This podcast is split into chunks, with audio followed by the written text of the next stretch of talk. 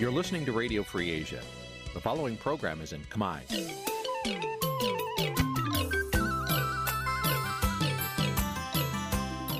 នេះជាកម្មវិធីផ្សាយ Vuthu Azizi Serai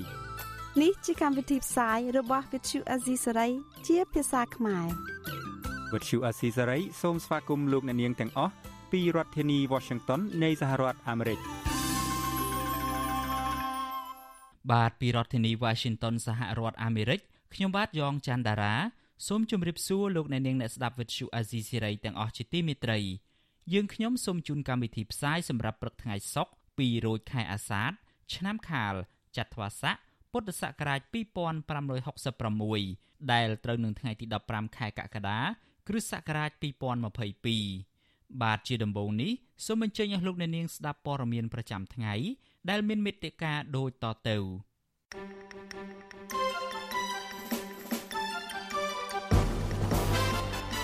សហរដ្ឋអាមេរិកជំរុញឲ្យរដ្ឋាភិបាលកម្ពុជាផ្ដល់សិទ្ធិនយោបាយជូនលោកកឹមសុខាវិញក្រុមអ្នកខ្លោមើលរិះគន់ថាគម្រោងកែរដ្ឋធម្មនុញ្ញនៅពេលនេះគឺជាផែនការផ្ទេរអំណាចរបស់លោកហ៊ុនសែនទៅឲ្យកូនប្រុសប្រជាពលរដ្ឋសម្ដែងការព្រួយបារម្ភចំពោះជនជាតិចិន បន្តពង្រាយរោងចក្រផលិតគ្រឿងញៀននៅកម្ពុជា ប្រជាសហគមន៍ស្នើឲ្យអាជ្ញាធរខេត្តស្ទឹងត្រែងបញ្ឈប់សកម្មភាពក្រុមហ៊ុនចិនឈូសឆាយព្រៃសហគមន៍ក្បាលរមៀសរួមនឹងព័ត៌មានសំខាន់សំខាន់មួយចំនួនទៀត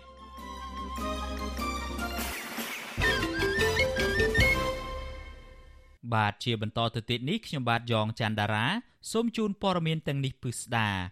ឧបការីរដ្ឋមន្ត្រីការបរទេសអាមេរិកជំរុញឲ្យរដ្ឋាភិបាលកម្ពុជា ផ្ដល់សិទ្ធិនយោបាយពេញលេញដល់ប្រធានគណៈបកសង្គ្រោះជាតិលោកកឹមសុខាឡើងវិញដើម្បីទទួលបានផលប្រយោជន៍ផ្សេងផ្សេងមន្ត្រីអង្គការសង្គមស៊ីវិលយល់ថាការដោះស្រាយសំណុំរឿងដ៏រ៉ាំរ៉ៃមួយនេះព្រមទាំងការដោះលែងសកម្មជន និងមន្ត្រីសិទ្ធិមនុស្សផ្សេងផ្សេងគឺជាការស្ដារលទ្ធិប្រជាធិបតេយ្យនៅកម្ពុជា បើពុំនោះទេ កម្ពុជានឹងទទួលរងទណ្ឌកម្មឬសម្ពាធបន្ថែមទៀតបាទលោកលេងម៉ាលីរាយការណ៍ព័ត៌មាននេះ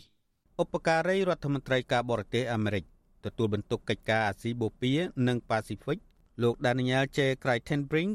ខកចិត្តចំពោះសវនាការសំណុំរឿងលោកកឹមសុខាលោក Daniel J. Crichtonbrink បានបង្ហោះលើបណ្ដាញសង្គម Twitter របស់ការិយាល័យទទួលបន្ទុកកិច្ចការអាស៊ីបូព៌ានិងប៉ាស៊ីហ្វិកក្រោយពីជំនួបជាមួយលោកកឹមសុខាដោយមានខ្លឹមសារថាសហរដ្ឋអាមេរិកនៅតែខកចិត្តដែលសំណុំរឿងបែបនយោបាយរបស់លោកកឹមសុខា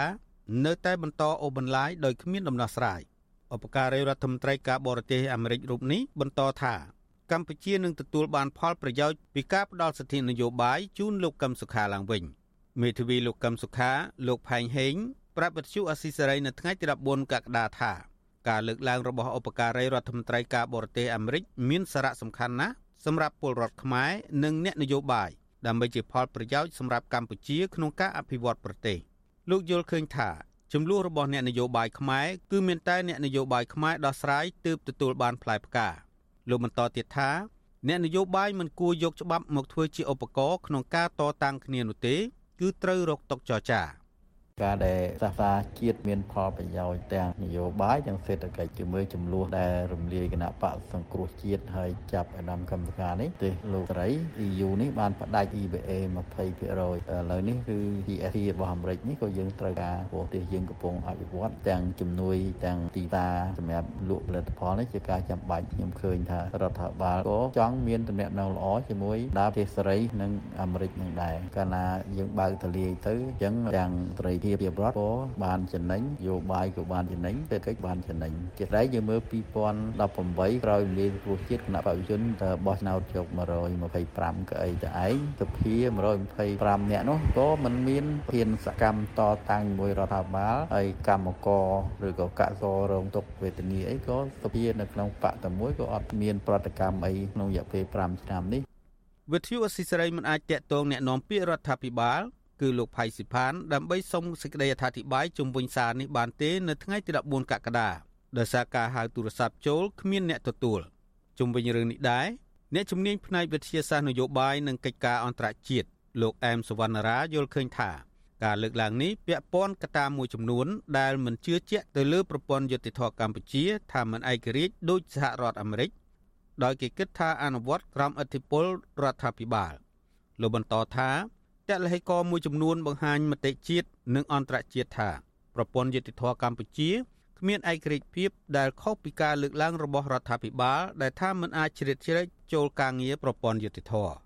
នៅពេលដែលប្រព័ន្ធយុទ្ធធននឹងត្រូវបានខាងរដ្ឋាភិបាលលើកឡើងប្រព័ន្ធយុទ្ធធនតែងតែលំអានឬក៏ធ្វើតាមឬក៏ឆ្លើយតបចឹងហើយបែបនេះហើយបានជាលោកដានយ៉ានឹងក៏អាចលើកឡើងកន្លែងនេះហើយបើសិនបើជាកម្ពុជាមិនឆ្លើយតបឬក៏មិនបកស្រាយឲ្យទទួលយកបាននៅក្នុងក្របខ័ណ្ឌណាមួយនោះកម្ពុជាយើងអាចរងនឹងការបាត់បង់ឧទាហរណ៍ថាការមិនផ្ដល់ឲ្យនៅទឹកធការមន្ត្រីជាន់ខ្ពស់កម្ពុជាឡើងវិញនៅទឹកដីសហរដ្ឋអាមេរិកទី1ទី2 GSP ដែលត្រូវចប់ក្នុងឆ្នាំនេះក៏អាចនឹងបាត់បង់ដែរហើយបើសិនបើបាត់បង់នៅឆ្នាំនេះបាននៅឆ្នាំសម្រាប់អនុម័តនៅឆ្នាំ2021-22នេះវាអាចនឹងប្រឈមនឹងបាត់បង់ទៅឆ្នាំបន្តបន្តទៅទៀតហើយវាជាអត្ថប្រយោជន៍មួយច្រើនណាស់ទំហំពាណិជ្ជកម្មនាំចេញទៅសហរដ្ឋអាមេរិកឆ្នាំ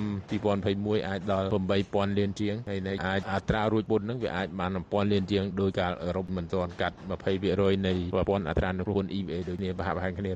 ក្នុងដំណើរទស្សនកិច្ចរយៈពេល2ថ្ងៃមកកម្ពុជារបស់ឧបការីរដ្ឋមន្ត្រីការបរទេសសហរដ្ឋអាមេរិក លោក Daniel Creighton-Brink បានជួបពិភាក្សាជាមួយរដ្ឋមន្ត្រីការបរទេសកម្ពុជា គឺលោកប្រាក់សុខុននិងចូលរួមក្នុងពិធីប្រគល់វត្ថុបុរាណចំនួន27ដល់កម្ពុជាវិញដោយមានវត្តមានរបស់រដ្ឋមន្ត្រីក្រសួងវប្បធម៌និងវិចិត្រសិល្បៈគឺអ្នកស្រីភឿងសក្កណានិងមានជំនួបដោយឡែកជាមួយប្រធានគណៈបកសង្គ្រោះជាតិគឺលោកកឹមសុខានិងតំណាងអង្គការសង្គមស៊ីវិលធ្វើការដើម្បីលទ្ធិប្រជាធិបតេយ្យនិងសិទ្ធិមនុស្សព្រមទាំងជួបជាមួយក្រុមយុវជននៅកម្ពុជា ពិភាក្សាពីចក្ខុវិស័យរបស់ពួកគេអំពីអនាគតរបស់ប្រទេសកម្ពុជា និងតំបន់ Indo-Pacific ក្រសួងការបរទេសបានចេញសេចក្តីប្រកាសព័ត៌មានអំពីជំនួបរបស់លោកប្រាក់សុខុនដែលលើកឡើងអំពីការខកចិត្តដែលសហរដ្ឋអាមេរិកនៅតែចាត់ទុកប្រទេសកម្ពុជាថា ជាប្រទេសមិនផ្ដល់កិច្ចសហប្រតិបត្តិការទាក់ទងនឹងការធ្វើមាតុភូមិនិវត្តរបស់ពលរដ្ឋខ្មែរកំពុងរស់នៅខុសច្បាប់ ឬបានប្រព្រឹត្តល្មើសច្បាប់នៅសហរដ្ឋអាមេរិក ដែលបញ្ហានេះធ្វើឲ្យសហរដ្ឋអាមេរិករឹតបន្តឹងទិដ្ឋាការចំពោះមន្ត្រីជាន់ខ្ពស់របស់ក្រសួងការបរទេសកម្ពុជាមិនឲ្យធ្វើដំណើរទៅកាន់សហរដ្ឋអាមេរិកក្រសួងការបរទេសកម្ពុជាជំរុញសហរដ្ឋអាមេរិកឲ្យបន្តផ្ដល់ឡើងវិញនៅប្រព័ន្ធអនុគ្រោះពន្ធ GSP របស់សហរដ្ឋអាមេរិកដើម្បីជាប្រយោជន៍ដល់ទំនាក់ទំនងផ្នែកសេដ្ឋកិច្ចរវាងប្រទេសទាំងពីរ។ លោក Daniel J. Crichton-Brink បានសរសេរនៅលើទំព័រ Twitter របស់ការិយាល័យកិច្ចការអាស៊ីបូព៌ានិងប៉ាស៊ីហ្វិកនៅថ្ងៃទី13ខែកក្កដាថាសហរដ្ឋអាមេរិកគឺជាមិត្តភ័ក្តិដ៏យូរអង្វែងរបស់កម្ពុជា និងជាប្រទេសនាំចូលឈានមុខគេនៃទំនិញនានាពីកម្ពុជា សង្គមស៊ីវិលយល់ឃើញថានេះជាសញ្ញាណមួយល្អសម្រាប់កម្ពុជាព្រោះនយោបាយការទូតរបស់សហរដ្ឋអាមេរិកបានបង្ហើបហើយសំខាន់តើកម្ពុជាស្ដារឡើងវិញនៅការធ្លាក់ចុះប្រជាធិបតេយ្យ សេរីភាព និងសិទ្ធិមនុស្សហើយដោះលែងសកម្មជននយោបាយផ្សេងៗនៅកម្ពុជាឬយ៉ាងណាខ្ញុំបាទលេងម៉ាលីវិទ្យុអស៊ីសេរីរាយការណ៍ពីរដ្ឋធានី Washington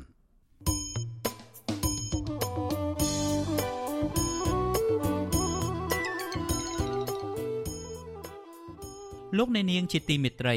ដំណើរគ្នានឹងស្ដាប់ការផ្សាយវិទ្យុអាស៊ីសេរីតាមបណ្ដាញសង្គម Facebook និង YouTube លោកអ្នកនាងក៏អាចស្ដាប់កម្មវិធីផ្សាយរបស់ Vuthu Azizi Serai តាមរលកធាតុអាកាសខ្លីឬ Shortwave តាមកម្រិតនិងកម្ពស់ដូចតទៅនេះពេលព្រឹកចាប់ពីម៉ោង5កន្លះដល់ម៉ោង6កន្លះតាមរយៈរលកធាតុអាកាសខ្លី12140 kHz ស្មើនឹងកម្ពស់ 25m និង13715 kHz ស្មើនឹងកម្ពស់ 22m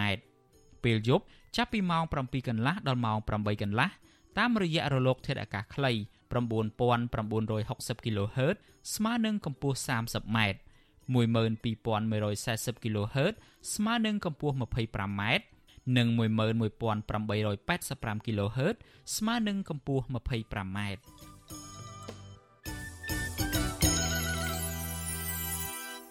បាទលោកអ្នកនាងជាទីមេត្រីតកតងទៅនឹងរឿងកែប្រែរដ្ឋធម្មនុញ្ញវិញ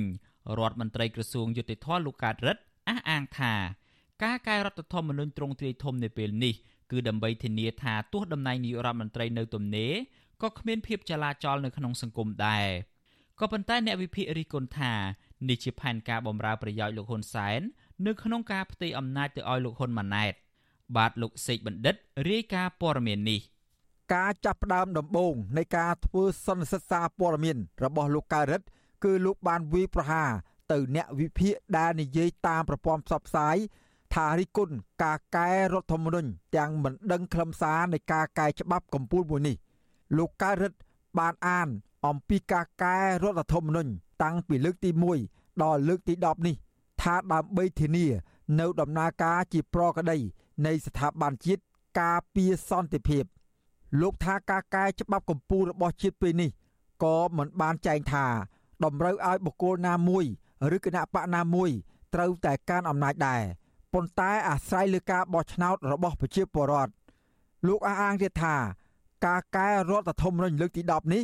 អនុវត្តតាមនីតិវិធីនៃរដ្ឋធម្មនុញ្ញក្នុងគោលបំណងបំពេញចំណុចខ្វះខាតនៃរដ្ឋធម្មនុញ្ញដែលការពីឧត្តមប្រយោជន៍កម្ពុជា លោកថាជាឧទាហរណ៍ការកែរដ្ឋធម្មនុញ្ញមាត្រា125ថ្មីដើម្បីធានាថាទោះតំណែងនាយករដ្ឋមន្ត្រីស្ថិតនៅទំនេរក៏ដោយ ក៏មិនប៉ះពាល់ស្ថិរភាពនយោបាយនិងចលនាក្នុងសង្គមដែរសម្រាប់ស្ថានភាពដែលតំណែងយមត្រីនៅទំនេរជាស្ថាពរនឹងអាចមានហានិភ័យខ្ពស់ក្នុងន័យនេះមាត្រា125ថ្មីត្រូវបានស្នើវិសោធនកម្មដើម្បីបំពេញចន្លោះប្រហោងនៃរដ្ឋធម្មនុញ្ញក៏ដូចជាដើម្បីរៀបចំឲ្យបានគ្រប់ជ្រុងជ្រោយឡើងវិញជាពិសេសការកំណត់ឲ្យបានច្បាស់លាស់នៅចំណុចសំខាន់សំខាន់យ៉ាងតិចចំនួន4រួមមាន ទី1គឺការតែងតាំងនាយករដ្ឋមន្ត្រីស្ដីទីក្នុងករណីដែលនាយករដ្ឋមន្ត្រីអវត្តមានមួយកាលមួយគ្រាទី2ការចែងអំពីមូលហេតុនានាដែលនាំឲ្យតំណែងនាយករដ្ឋមន្ត្រីនៅទំនេរជាស្ថាពរជាអាចអនិច្ចកម្មការលាលែងពីមុខតំណែងរបស់នាយករដ្ឋមន្ត្រីព្រមទាំងការចែងអំពីការចាត់ចែងចាំបាច់នានាដើម្បីធានាដល់និរន្តរភាពនៃការដឹកនាំអំណាចនីតិប្រតិបត្តិតាមរយៈការតែងតាំងគណៈរដ្ឋមន្ត្រីថ្មីឲ្យបានឆាប់រហ័ស ការលើកឡើងរបស់រដ្ឋមន្ត្រីក្រសួងយុទ្ធភ័ពលោកកើតរិទ្ធធ្វើឡើងក្នុងពេលដែលលោកធ្វើសន្និសីទសារព័ត៌មានបង្ហាញពីខ្លឹមសារសេចក្តីព្រាងច្បាប់រដ្ឋធម្មនុញ្ញស្តីពីវិសោធនកម្មមេត្រាថ្មី នៅរសៀលថ្ងៃទី14ខែកក្កដាចំពោះការកែមេត្រា98ដែលបង្កើនចំនួនសមាជិកសភាពី30នាក់ទៅ42នាក់ឬសម្លេង1ភាគ3នៃសមាជិកសភា ទើបអាចអនុម័តញត្តិស្ដីបន្ទោសរដ្ឋមន្ត្រីឬគណៈរដ្ឋមន្ត្រីបាន លោកកើតរិទ្ធបញ្ជាក់ថាការចង់ទម្លាក់គណៈរដ្ឋមន្ត្រីមិនមែនជារឿងងាយស្រួលនោះឡើយដូច្នេះចាំបាច់ក្រុមតំណាងរាស្ត្រទាំងនោះត្រូវមានសមាជិកច្រើនជាមុនសិនទោះយ៉ាងណាក្រុមអ្នកឃ្លាំមើលយល់ថា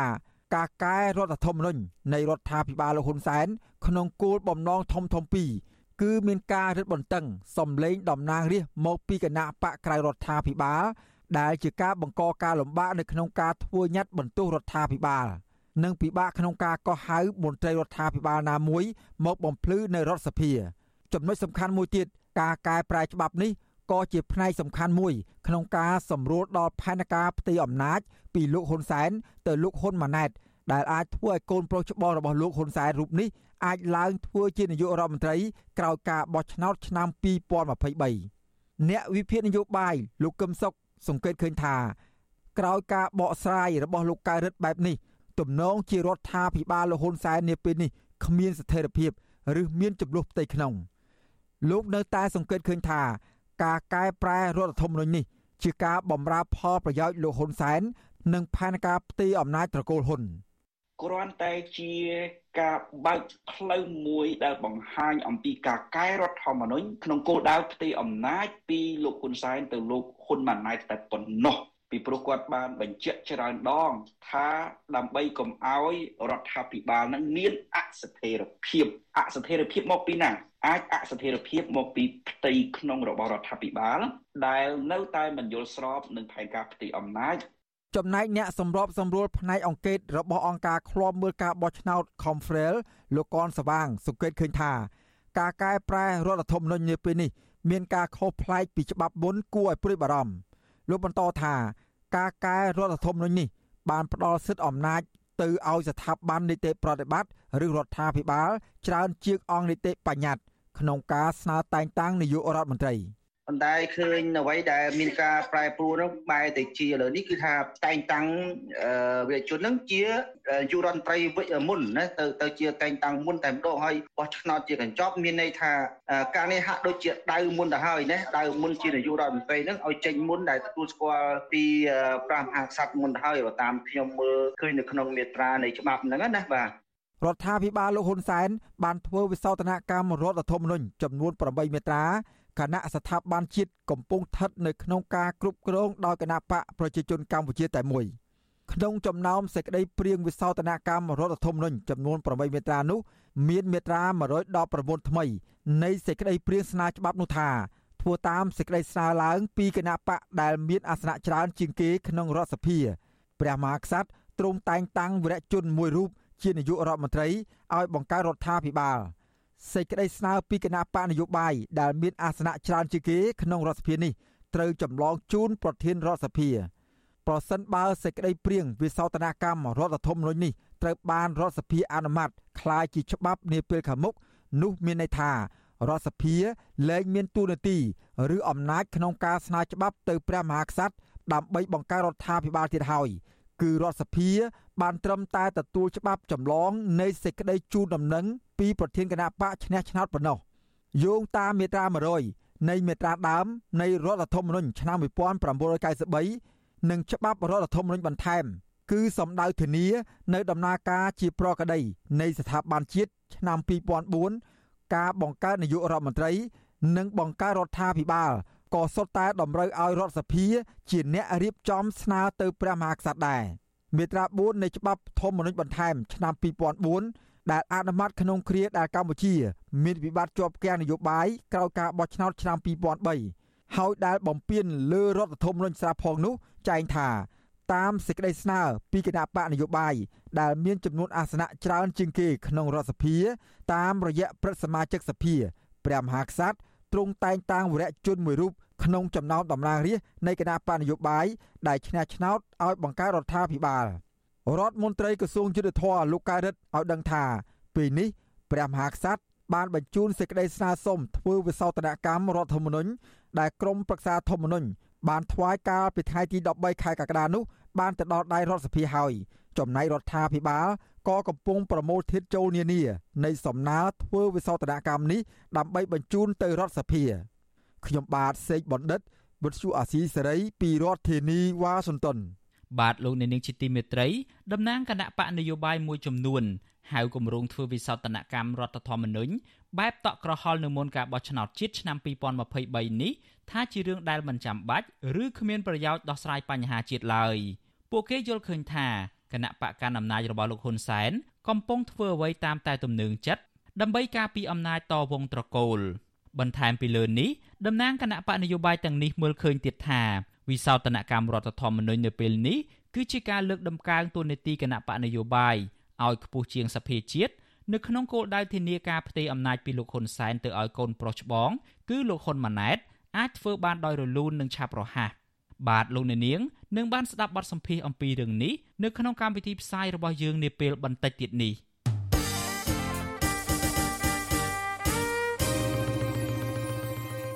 លោកអ្នកនាងកំពុងស្ដាប់ការផ្សាយរបស់ Vuthu Azizi Serai ពីរដ្ឋធានី Washington សហរដ្ឋអាមេរិកយើងងាកទៅរឿងទំនាក់ទំនងកម្ពុជាចិនវិញកម្ពុជាស្នើឲ្យវិនិយោគិនចិនមកវិនិយោគបន្ថែមទៀតលើវិស័យចិញ្ចឹមសត្វវារីវប្បកម្មនិងកៅស៊ូសម្រាប់ការនាំចេញទៅប្រទេសចិន និងពង្រីកទំហំពាណិជ្ជកម្មរវាងប្រទេសទាំងពីរ ការស្នើសុំរបស់សហប្រធាននៃគណៈកម្មាធិការសម្របសម្រួលអន្តររដ្ឋាភិបាលកម្ពុជាចិនគឺលោកអបនាយករដ្ឋមន្ត្រីហៅណាំហុងធ្វើឡើងនៅក្នុងឱកាសដែលលោកនិងលោកវ៉ាងយីដែលជាទីប្រឹក្សារដ្ឋនិងជារដ្ឋមន្ត្រីក្រសួងការបរទេសចិនបានបើកកិច្ចប្រជុំពេញអង្គរបស់គណៈកម្មាធិការសម្របសម្រួលអន្តររដ្ឋាភិបាលកម្ពុជាចិនតាមរយៈប្រព័ន្ធវីដេអូនៅវិមានសន្តិភាពកាលពីថ្ងៃទី14ខែកក្កដាម្សិលមិញទំព័រ Facebook ផ្លូវការរបស់លោកហៅណាំហុងឲ្យដឹងថា ការជំរុញរបស់កម្ពុជាដើម្បីឲ្យមានអ្នកវិនិយោគិនបន្ថែមទៀតលើវិស័យចិញ្ចឹមសត្វវិរិយវប្បកម្មនិងកៅស៊ូនេះគឺស្របពេលដែលប្រទេសចិន បានអនុញ្ញាតឲ្យកម្ពុជានាំចេញផ្លែមៀននិងត្រីប្រានាពេលឆាប់ៗខាងមុខក្រោយពីប្រទេសទាំងពីរបានចុះហត្ថលេខាកាលពីថ្ងៃទី16ខែមីនាឆ្នាំ2022លើពិធីសារស្តីពីលក្ខខណ្ឌតម្រូវភូតគាមអនាម័យសម្រាប់ការនាំចេញផ្លែមៀនស្រស់កម្ពុជាទៅប្រទេសចិន បន្ថែមពីនេះ លោកហៅណាំហុងក៏បានស្នើសុំឲ្យភាគីចិនជួយពន្លឿនកិច្ចសហប្រតិបត្តិការផ្នែកកៅស៊ូធម្មជាតិតាមរយៈការផ្តល់ជំនួយបច្ចេកទេសនិងការពិនិត្យលទ្ធភាពនាំចេញកៅស៊ូពីកម្ពុជាទៅប្រទេសចិនព្រមទាំងស្នើសុំឲ្យភាគីចិនពិនិត្យលទ្ធភាពនាំចូលម្រេចផ្លែទុរេននិងបង្កើនការនាំចូលអង្ករពីកម្ពុជា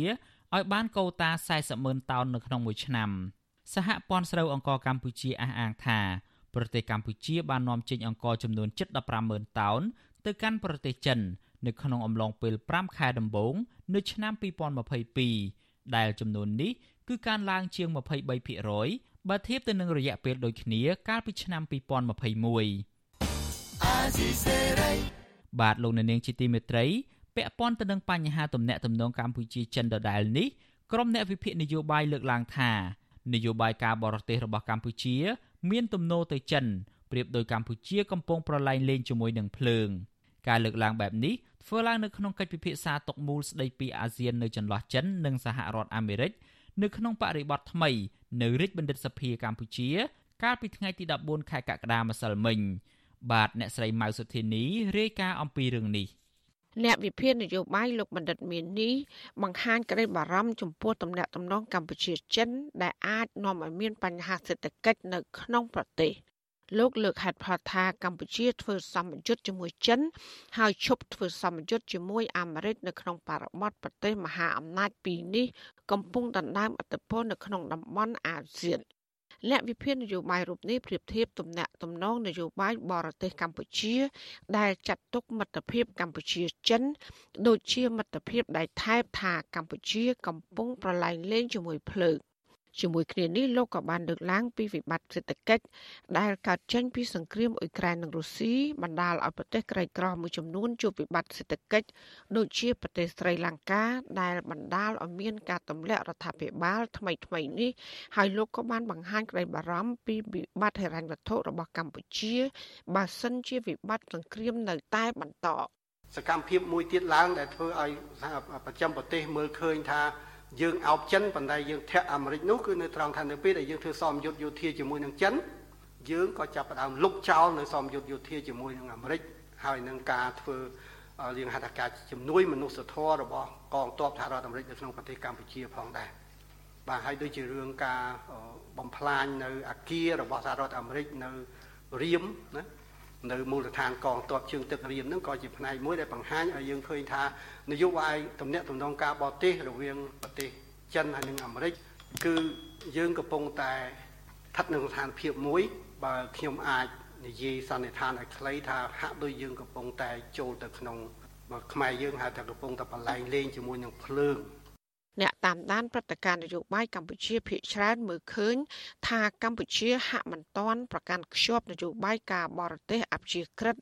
ដោយតែមានចែងក្នុងរដ្ឋធម្មនុញ្ញកម្ពុជាមាត្រា1ដែលបានចែងថា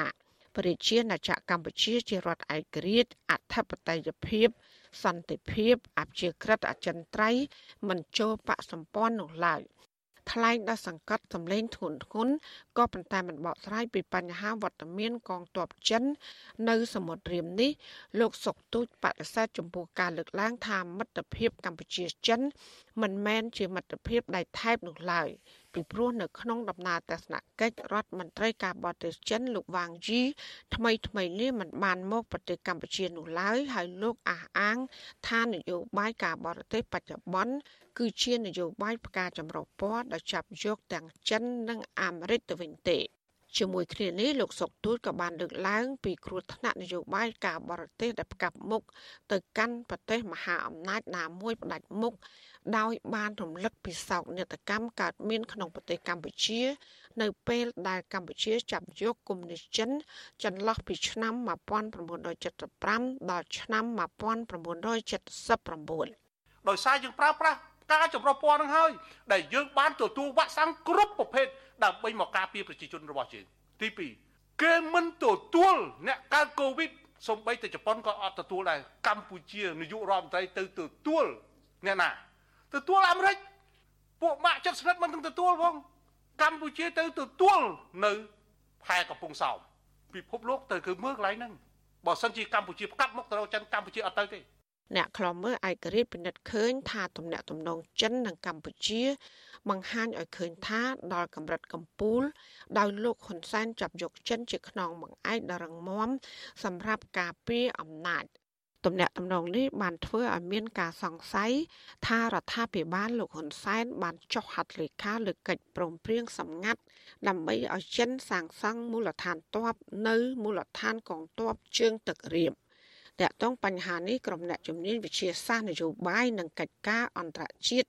តែងតែជំរុញឲ្យកម្ពុជាបើកឱកាសអនុញ្ញាតឲ្យអ្នកជំនាញអន្តរជាតិនានាស្រាវជ្រាវពិនិត្យពីការពង្រីកអធិបតេយ្យនៃប្រទេសចិន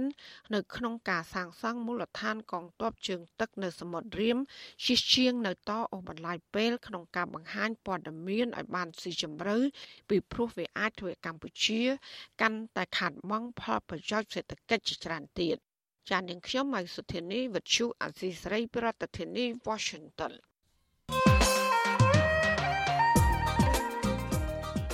លោកអ្នកនាងកញ្ញាជាទីមេត្រីមេដឹកនាំត្រកូលរាជបក្សានៃប្រទេសស្រីលង្កាកំពុងត្រូវប្រជាពលរដ្ឋនៃប្រទេសនេះបណ្ដេញចេញពីអំណាចដោយសារតែអំពើពុករលួយ និងបកពួកនិយម គ្រួសារនិយម ដែលបណ្ដាលឲ្យសេដ្ឋកិច្ចជាតិដួលរលំ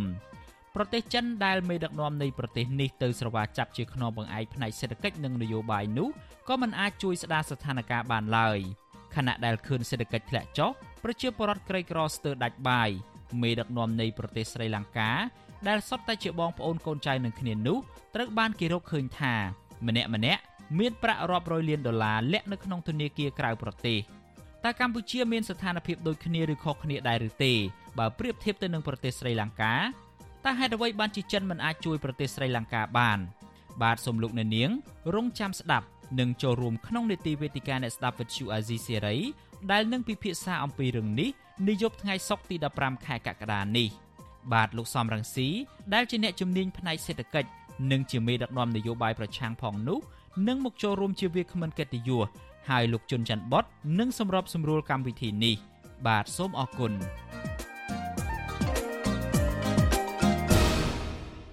បាទលោកអ្នកនាងកំពុងស្ដាប់ការផ្សាយរបស់ Vuthu Azizi Serai ពីរដ្ឋធានី Washington សហរដ្ឋអាមេរិក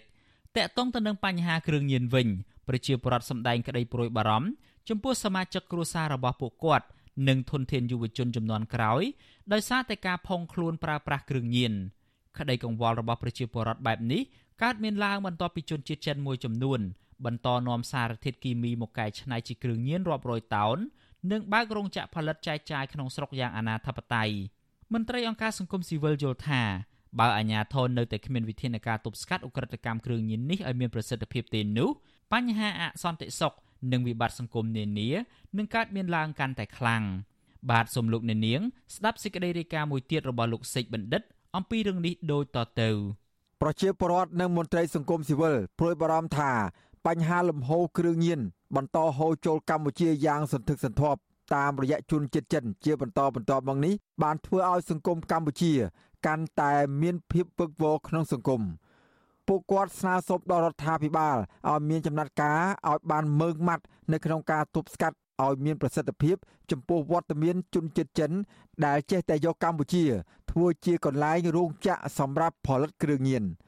ពលរដ្ឋម្នាក់រស់នៅស្រុកស្អាងខេត្តកណ្ដាល ថ្លៃសុំមិនបញ្ចេញឈ្មោះប្រាប់វិទ្យុអាស៊ីសេរីនៅថ្ងៃទី14ខែកក្កដាថា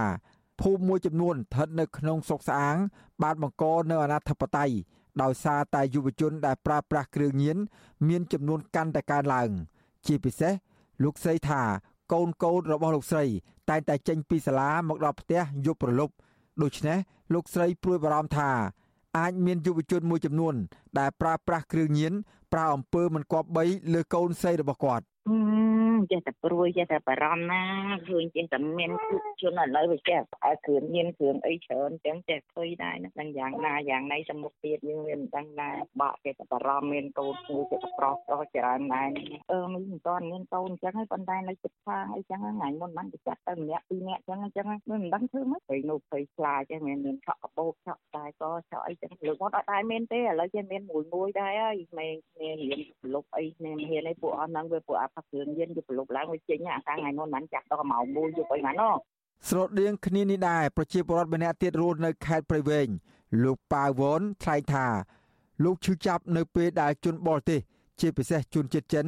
យកទឹកដីខ្មែរធ្វើជាកន្លែងប្រព្រឹត្តអាជីវកម្មបង្កើតរោងចក្រផលិតគ្រឿងញៀនតាមអំពើចិត្ត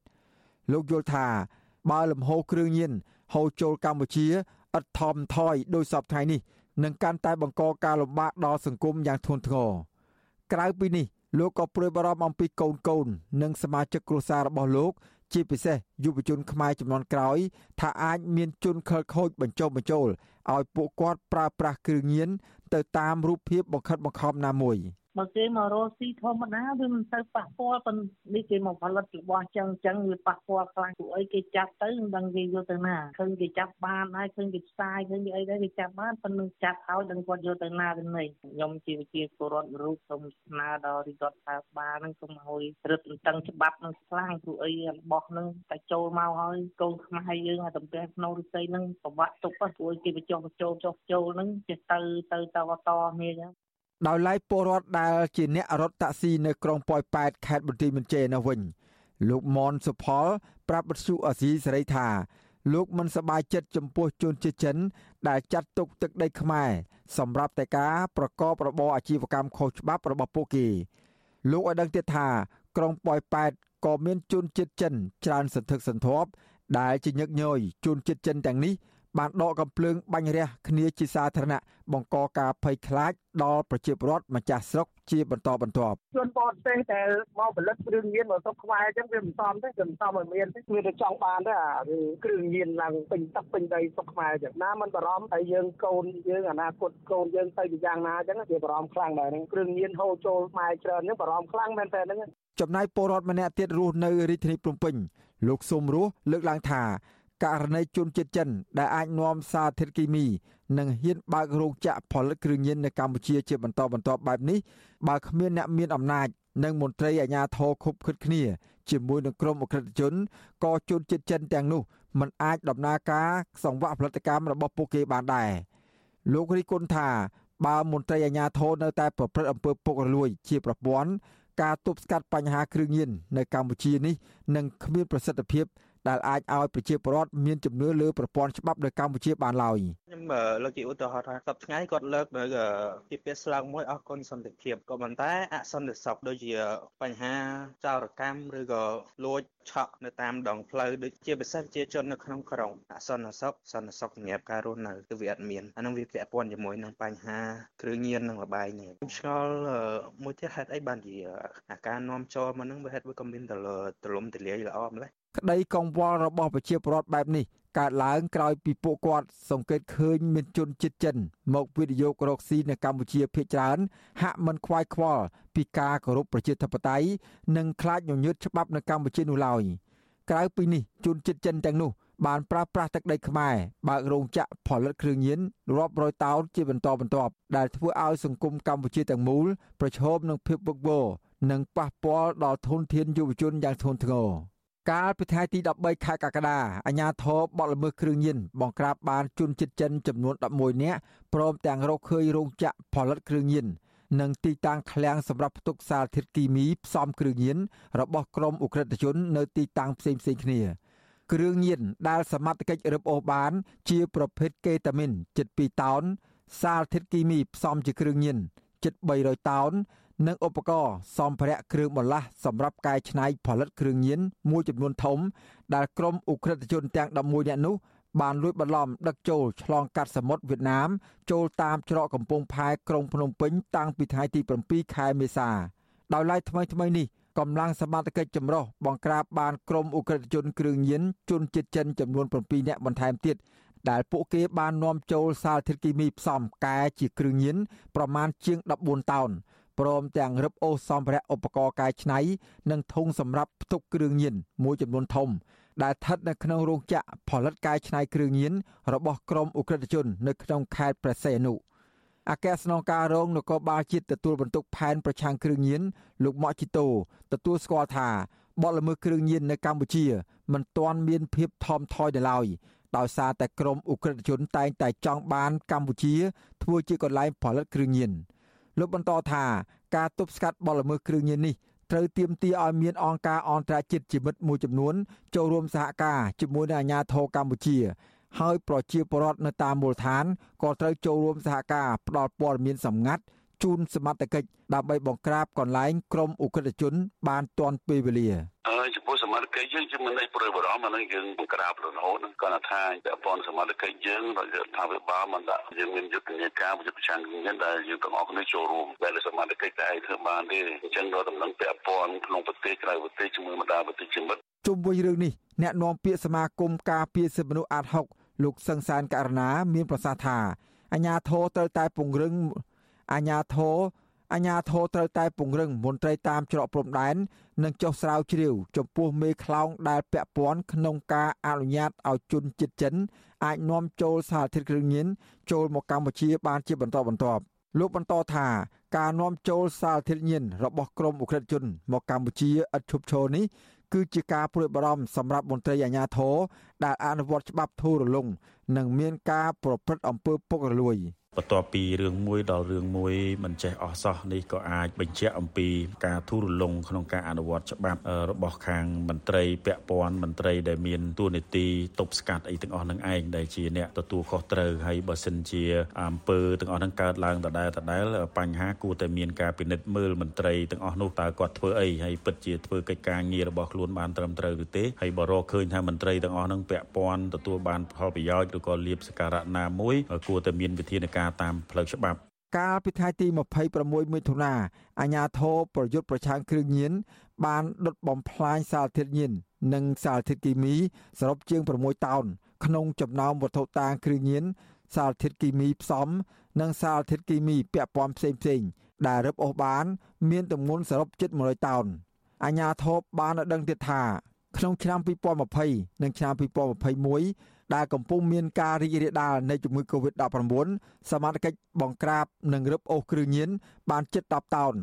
និងឃាត់ខ្លួនជនសង្ស័យបានជាង30000នាក់ក្នុងនោះសមាជិកបង្ក្រាបបទល្មើសគ្រឿងញៀនបានចំនួនជាង10000ករណីក្នុងឆ្នាំ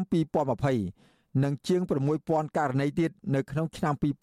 2021ទូយ៉ាងណាក្រុមអង្គការសង្គមស៊ីវិលនៅតែជំរុញទៅដល់អាជ្ញាធរពាក់ព័ន្ធឲ្យពង្រឹងការអនុវត្តច្បាប់ និងស៊ើបអង្កេតដោយតម្លាភាព ត្រូវចាប់មេខ្លោងធំធំដាក់ពន្ធនាគារទើបអាចទប់ស្កាត់បទល្មើសគ្រឿងញៀនមានប្រសិទ្ធភាពខ្ញុំបាទសេកបណ្ឌិតវុទ្ធុអាស៊ីសេរីពីរដ្ឋធានីវ៉ាស៊ីនតោនលោកអ្នកនាងជាទីមេត្រីពាក់ព័ន្ធទៅនឹងបញ្ហាគ្រឿងញៀននេះដែរសាលាដំបងរាជធានីភ្នំពេញកាលពីថ្ងៃទី14ខែកក្កដាម្សិលមិញបានសម្រេចចោទប្រកាន់ជនជាតិចិនចំនួន11នាក់ពីបទផលិត ស្តុកទុក និងការជួញដូរគ្រឿងញៀនព្រមទាំងការលាងលុយកខ្វក់ការចោទប្រកាន់របស់តុលាការនេះ ធ្វើឡើងក្រោយពីអាជ្ញាធរប្រឆាំងបទល្មើសគ្រឿងញៀនបានចាប់ខ្លួនក្រុមអ ுக ្រិតជនជនជាតិចិនចំនួន11នាក់បន្ថែមទៀតដោយរឹបអូសបានគ្រឿងញៀនជិត2តោននិងសារធាតុគីមីផ្សំជាគ្រឿងញៀនចំនួន276តោនផ្សេងទៀតនៅក្នុងប្រតិបត្តិការបង្ក្រាបនៅទីតាំងផ្សេងផ្សេងគ្នាចន្លោះពីថ្ងៃទី4ដល់ថ្ងៃទី9ខែកក្កដានៅទីក្រុងភ្នំពេញខេត្តកណ្ដាលស្វាយរៀងនិងខេត្តព្រៃវែងគេហទំព័ររបស់អគ្គស្នងការដ្ឋាននគរបាលជាតិ កាលពីថ្ងៃទី13ខែកក្កដាបានបង្ហាញថាការបង្ក្រាបទីតាំងរោងចក្រផលិតគ្រឿងញៀនចំនួន7ទីតាំងខុសៗគ្នារបស់ក្រុមអ ுக ្រិតជនជនជាតិចិនទាំងនេះសមត្ថកិច្ចជំនាញបានបើកការស៊ើបអង្កេតអស់រយៈពេលជាង3ខែមកហើយសមត្ថកិច្ចអះអាងថាគ្រឿងញៀនដែលរឹបអូសបាននោះគឺជាប្រភេទកេតាមីនជិត2តោនសារធាតុគីមីផ្សំជាគ្រឿងញៀនចំនួនជិត276តោននិងឧបករណ៍សម្ភារៈគ្រឿងបន្លាស់សម្រាប់កែច្នៃផលិតគ្រឿងញៀនមួយចំនួនធំ ព្រមទាំងលិខិតកាន់កាប់អចលនទ្រព្យចំនួន7កន្លែងដែលជាទីតាំងសម្រាប់ផលិតគ្រឿងញៀនរបស់ក្រុមអ ுக ្រិតជនទាំងនោះអគ្គស្នងការរងនគរបាលជាតិទទួលបន្ទុកប្រឆាំងបទល្មើសគ្រឿងញៀនលោកម៉ាក់ជីតូធ្លាប់ប្រាប់វិទ្យុអាស៊ីសេរីថាអ ுக ្រិតជនទាំង11នាក់នេះបានដឹកជញ្ជូនលបាយសារធាតុគីមីផ្សំគ្រឿងញៀននិងគ្រឿងម៉ាស៊ីនប្រតិកម្មចូលកម្ពុជាឆ្លងកាត់តាមសមុទ្រវៀតណាមចូលតាមច្រកកំពង់ផែក្រុងភ្នំពេញ តាំងតែពីថ្ងៃទី7ខែមេសាឆ្នាំ2022លោកអះអាងថាការដែលជនជាតិចិនទាំងនោះអាចនាំចូលសារធាតុគីមីផ្សំចូលកម្ពុជាបានជាបន្តបន្ទាប់នេះគឺដោយសារតែពួកគេបន្លំសារធាតុគីមីផ្សំទាំងនោះដាក់នៅក្នុងចំណោមសារធាតុគីមីដែលត្រូវបានប្រើប្រាស់ក្នុងវិស័យឧស្សាហកម្មលោកអ្នកនាងជាទីមេត្រីវិទ្យុអាស៊ីសេរីសូមជូនដំណឹងថា យើងគ្មានអ្នកយកព័ត៌មានប្រចាំនៅប្រទេសកម្ពុជាទេប្រសិនបើមានជនណាម្នាក់អះអាងថាជាអ្នកយកព័ត៌មានឲ្យវិទ្យុអាស៊ីសេរីនៅកម្ពុជានោះគឺជាការក្លែងបន្លំយកឈ្មោះអាស៊ីសេរីទៅប្រើនៅក្នុងគោលបំណងទុច្ចរិតណាមួយរបស់បុគ្គលនោះតែប៉ុណ្ណោះបាទសូមអរគុណ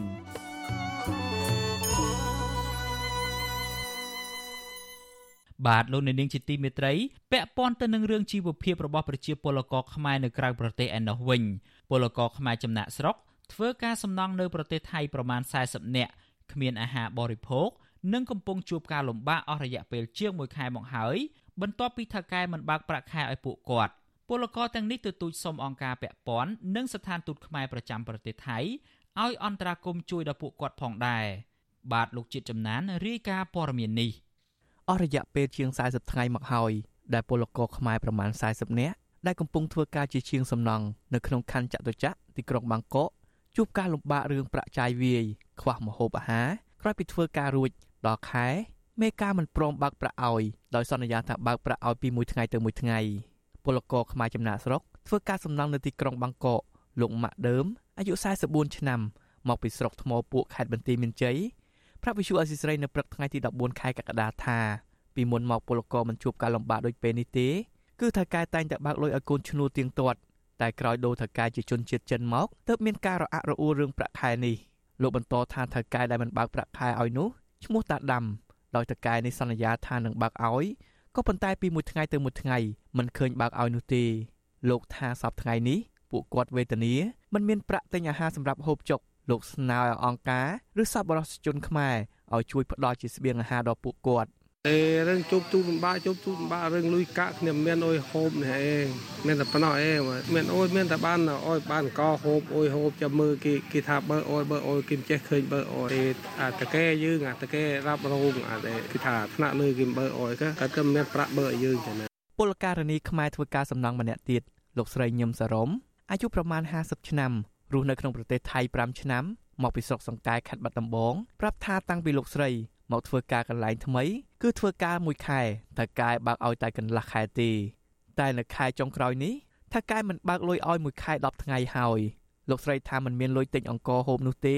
លោកស្រីថាលោកស្រីនឹងរងចាំតតែតកែបើកប្រាក់ឲ្យព្រោះតកែកំពុងប្រជុំមេការដើម្បីដោះស្រាយរឿងប្រាក់ឈ្នួលពលករលោកស្រីបន្តថាពេលគាត់ចង់ត្រឡប់ទៅស្រុកវិញក៏មិនកើត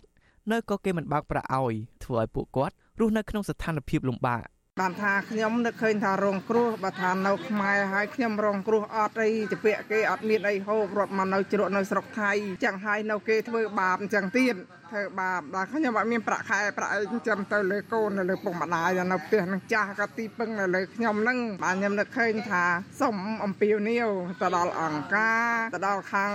ថ្នាក់ដឹកនាំខាងសង្គ្រោះជាតិអីហ្នឹងសូមជួយមើលកូនចៅពលករដែលនៅថ្នាក់នៅក្នុងប្រទេសថៃ ស្រដៀងគ្នានេះដែរពលករនីម្នាក់ទៀតលោកស្រីសុកសុភ័ក្រមកពីស្រុកថ្មពួកខេត្តបន្ទាយមានជ័យឲ្យដឹងថា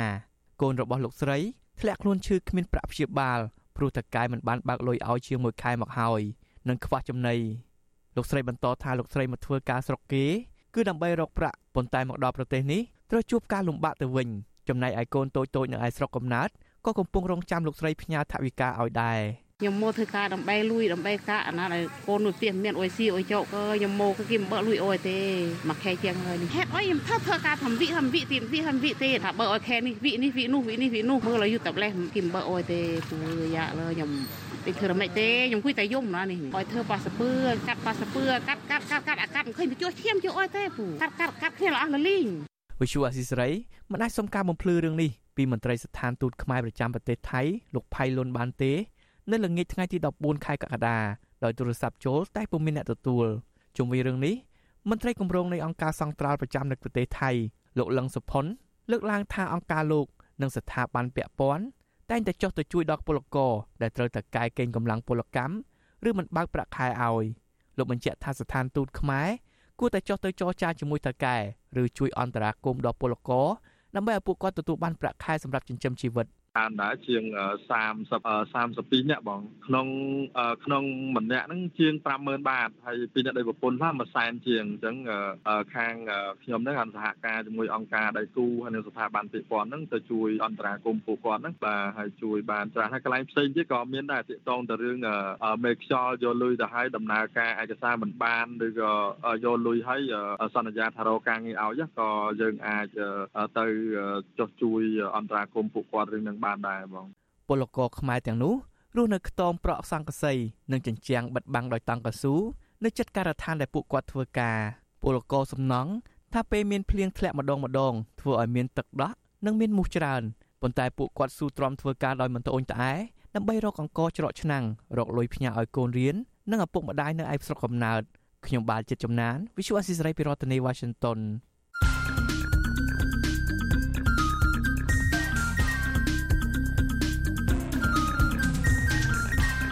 បទសំភារ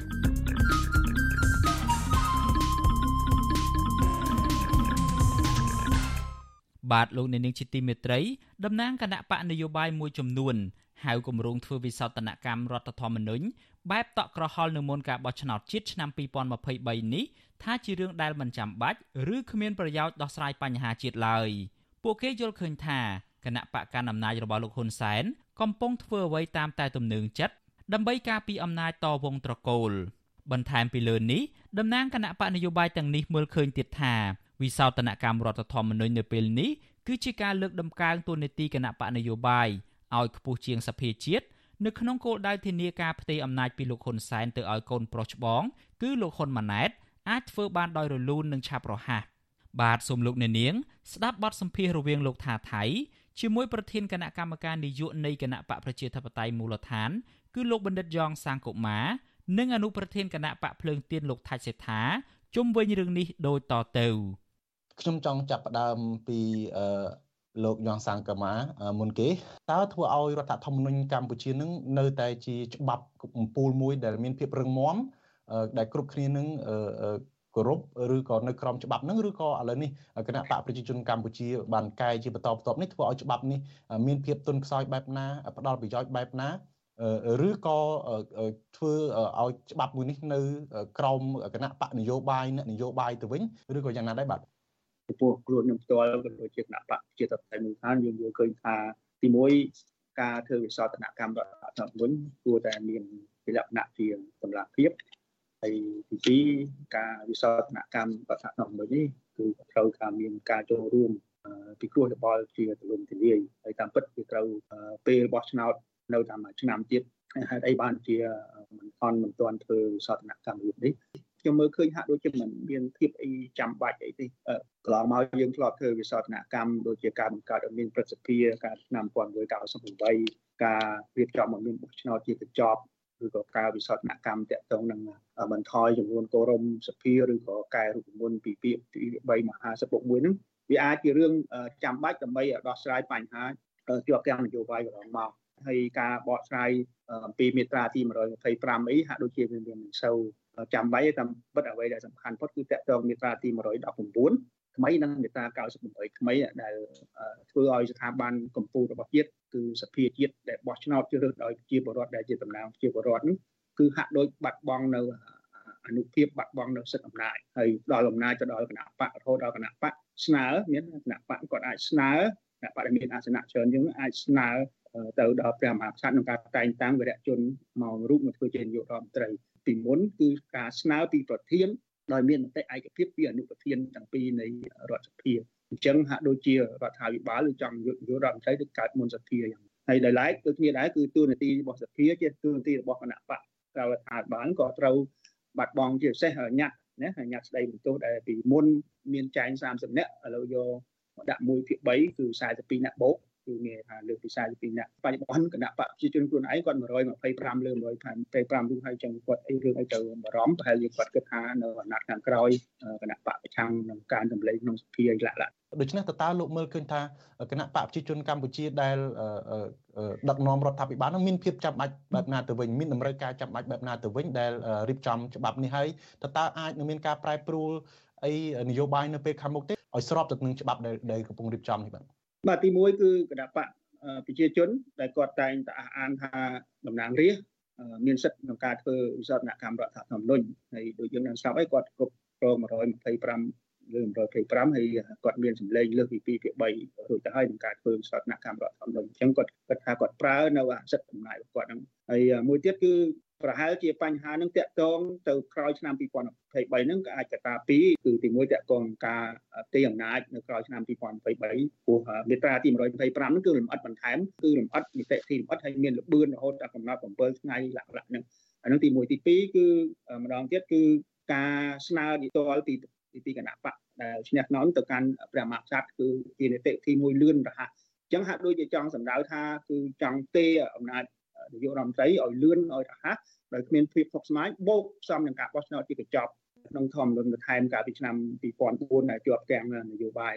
កាលពីជំនាន់នោះយកអាហ្នឹងមកបន្ថែមទៀតចឹងគឺហាក់ដូចជាកងការធ្វើទេអំណាចហ្នឹងលឿនរហ័សឲ្យដោយដោយរលូនទប់ស្កាត់កុំឲ្យមានសម្លេងប្រឆាំងជាពិសេសញ៉ាត់ស្ដីបន្ទោសនេះដែលកែពី30មក1ពី3នេះចឹងគឺខ្ញុំគិតថាហាក់ដូចជា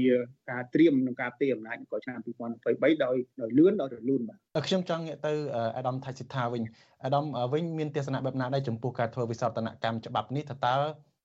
ការធ្វើវិសោធនកម្មច្បាប់នេះអាចធ្វើឲ្យរដ្ឋធម្មនុញ្ញនឹងទៅជាទុនខ្សោយត្រូវបានអ្នកនយោបាយយកទៅប្រើប្រាស់តាមចិត្តឬក៏មិនដែរបាទខ្ញុំដូចជាមិនមានការភ្ញាក់ផ្អើលទេចំពោះការធ្វើវិសោធនកម្មរដ្ឋធម្មនុញ្ញលើកទី10នេះព្រោះអំណាចទាំងអស់នៅលើគណៈបកកាន់អំណាចតែមួយគត់ហើយធ្វើបានតាមចិត្តនឹងអាដាមតើធ្វើត្រូវតាមច្បាប់ទេឬក៏ធ្វើចេះតែធ្វើនឹងតាមអមហិច្ឆតានយោបាយរបស់ខ្លួនឬក៏មិនអាដាម អ្វីឥឡូវយើងមើលរំលាយគណៈបកហ្នឹងវាមានទៅស្របច្បាប់អីមកដល់ពេលនេះយើងនៅឃើញថាវាមិនត្រឹមត្រូវតាមច្បាប់នៅគេធ្វើបានអអញ្ចឹងច្បាប់កម្ពុជារដ្ឋធម្មនុញ្ញយើងដឹងទាំងអស់គ្នាហើយថាមុននឹងធ្វើសតនកម្មមួយដែលច្បាប់រដ្ឋធម្មនុញ្ញហ្នឹងវាត្រូវមានការធ្វើប្រជាមតិត្រូវការជជែកលែកញែកហ្នឹងល្អណាស់មិនមែននឹកឃើញធៀងធ្វើភ្លាមទេទី2ពេលនេះវាជាពេលវេលាមួយ មិនចាំបាច់ត្រូវធ្វើវិសោធនកម្មនេះទេ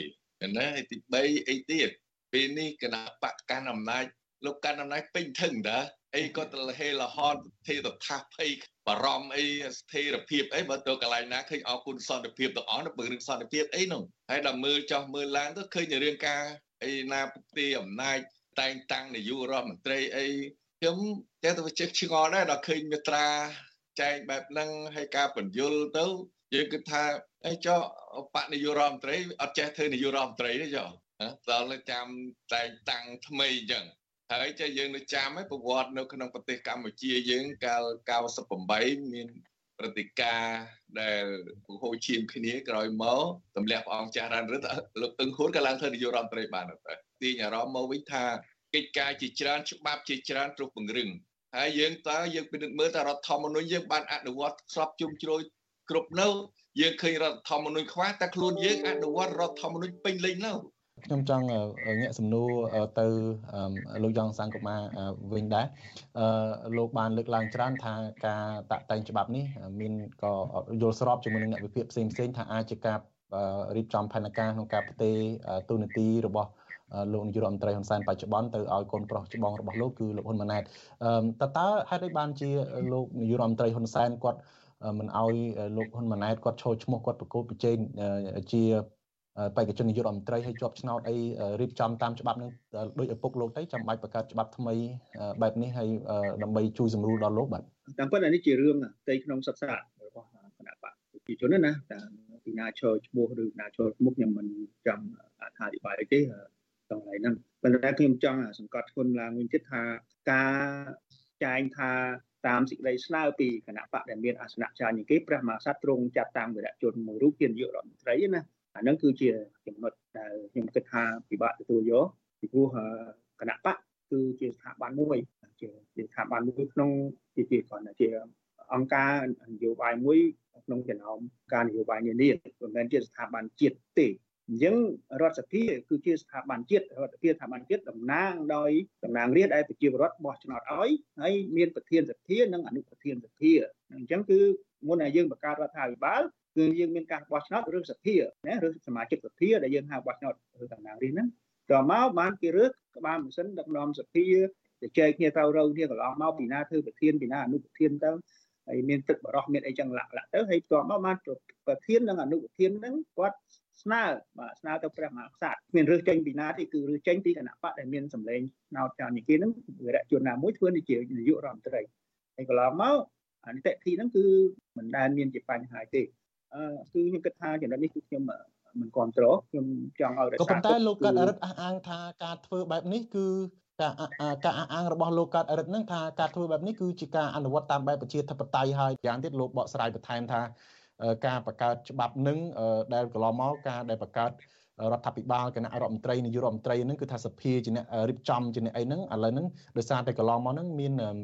ការប្របាក់ធ្វើការចោះសម្រុងដើម្បីត្រៀមកុំឲ្យមានភាពជាប់គាំងកុំឲ្យមានការធ្វើការចោះមិនចោះសម្រុងគ្នាអីជាដើមតើលោកយល់មកចំពោះការលើកឡើងរបស់លោកកាត់បាទកន្លងមកបញ្ហាដែលកើតមានឡើងតាក់ទងរឿងការជាប់គាំងនយោបាយដែលមានឆ្នាំ1993មានឆ្នាំ2003អីហ្នឹង តមក2008បន្តិចតួចហ្នឹងគឺមិនសូវធំដុំដូចកាល98 2003ដែលដែលមានការប្រឈមដាក់គ្នារហូត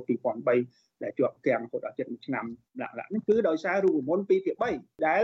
គណៈបកប្រជាជនកន្លងមកនោះគាត់អត់បានសម្លេង2ភាគ3គ្រប់គ្រាន់ដូច្នេះវាត្រូវការជាប់គាំងហើយតាមពិតរូបមន្ត2ភាគ3នោះគឺគណៈបកប្រជាជនខ្លួនឯងដែលបានស្នើនៅឆ្នាំ1993នោះដោយសារអីដោយសារពេលនោះគឺគណៈបកពលិពេចបូកនឹងគណៈបក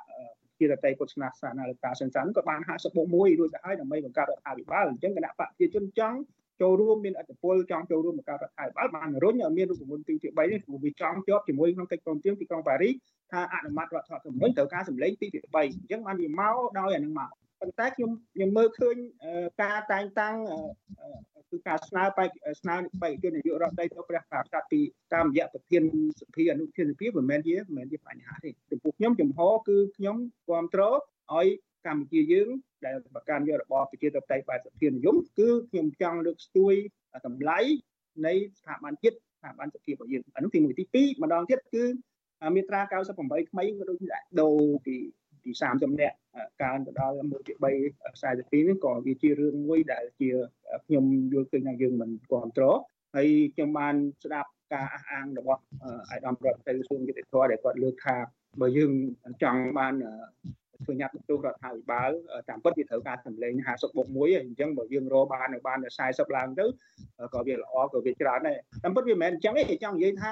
ទោះបីគណៈបកក្រៅរដ្ឋាភិបាលឬក៏ក្រមតំណាងរាស្ត្រយើងថាក្រមតំណាងរាស្ត្រព្រោះយើងថាក្រមតំណាងរាស្ត្របកក្រៅរដ្ឋាភិបាលនិងគណៈបកក្នុងរដ្ឋាភិបាលក៏គេអាចរួមគ្នាធ្វើញាត់បន្ទោសដល់រដ្ឋាភិបាលឬធ្វើញាត់បន្ទោសដល់រដ្ឋមន្ត្រីណាមួយអញ្ចឹងបើសិនជាការញាត់បន្ទោសគេមិនអាចបានសម្រេចមែនក៏គេអាចចាប់តាមជានីតិវិធីអានឹងជាជារបៀបរបបធម្មតាក្នុងសង្គមប្រជាធិបតេយ្យក៏ប៉ុន្តែវាវាផ្ដល់នៅសិទ្ធិអំណាចណាសិទ្ធិអំណាចឲ្យតំណាងរាស្ត្រក្នុងការតាមដាននឹងការខ្លំមើលនឹងការរិះគន់ក្នុងការបន្ទោសរដ្ឋាភិបាលនឹងការបំពេញទួនាទីនិងភាពឯកគាត់ថានឹងហើយដែលយើងហៅថាគុណតម្លៃទួនាទីដែលมันអាចកាត់ថ្លៃបានរបស់សភាជាតិដែលជាស្ថាប័នកម្ពុជាតំណាងឲ្យប្រជាពលរដ្ឋទូទាំងប្រទេសដែលគាត់មានទួនាទីមួយធានាឲ្យមានរដ្ឋាភិបាលមួយល្អធានាឲ្យមានមន្ត្រីល្អធ្វើការប្រជាបម្រើប្រជាពលរដ្ឋ បាទបាទអរគុណលោកយ៉ាងសង្គមាហើយអរគុណដល់អាដាមថៃសិដ្ឋាសូមអរគុណសូមជម្រាបលាលោកទាំងពីរបាទបាទលោកអ្នកនាងទើបបានស្ដាប់បទសម្ភាសន៍រវាងលោកថាថៃជាមួយប្រធានគណៈកម្មការនយោបាយគណៈបកប្រជាធិបតេយ្យមូលដ្ឋាន គឺលោកបណ្ឌិតយ៉ងសាងកុមារនិងអនុប្រធានគណៈបកភ្លើងទៀនលោកថាច់សេដ្ឋាដែលចាត់ទុកការធ្វើវិសោធនកម្មច្បាប់រដ្ឋធម្មនុញ្ញនៅពេលនេះថាជាការលើកដំកើងទូនាទីគណៈបកនយោបាយឲ្យខ្ពស់ជាងសភាជាតិ នៅក្នុងគោលដៅធានាការផ្ទេរអំណាចពីលោកហ៊ុនសែនទៅឲ្យកូនប្រុសបានដោយរលូននិងឆាប់រហ័ស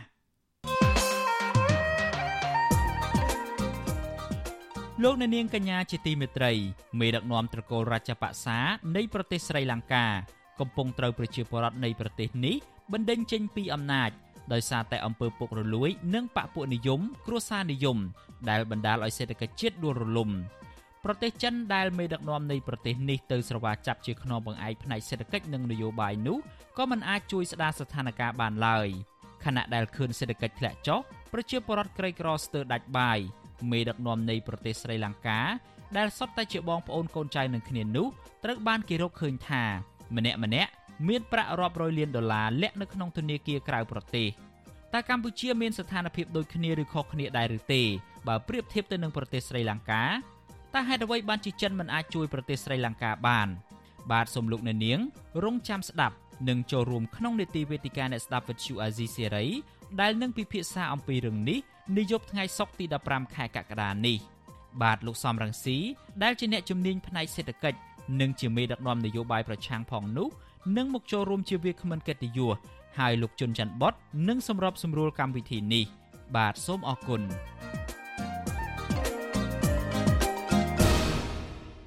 លោកអ្នកនាងជាទីមេត្រីការផ្សាយរយៈពេល1ម៉ោងរបស់វិទ្យុអាស៊ីសេរីនៅព្រឹកនេះចប់ត្រឹមតែប៉ុណ្ណេះ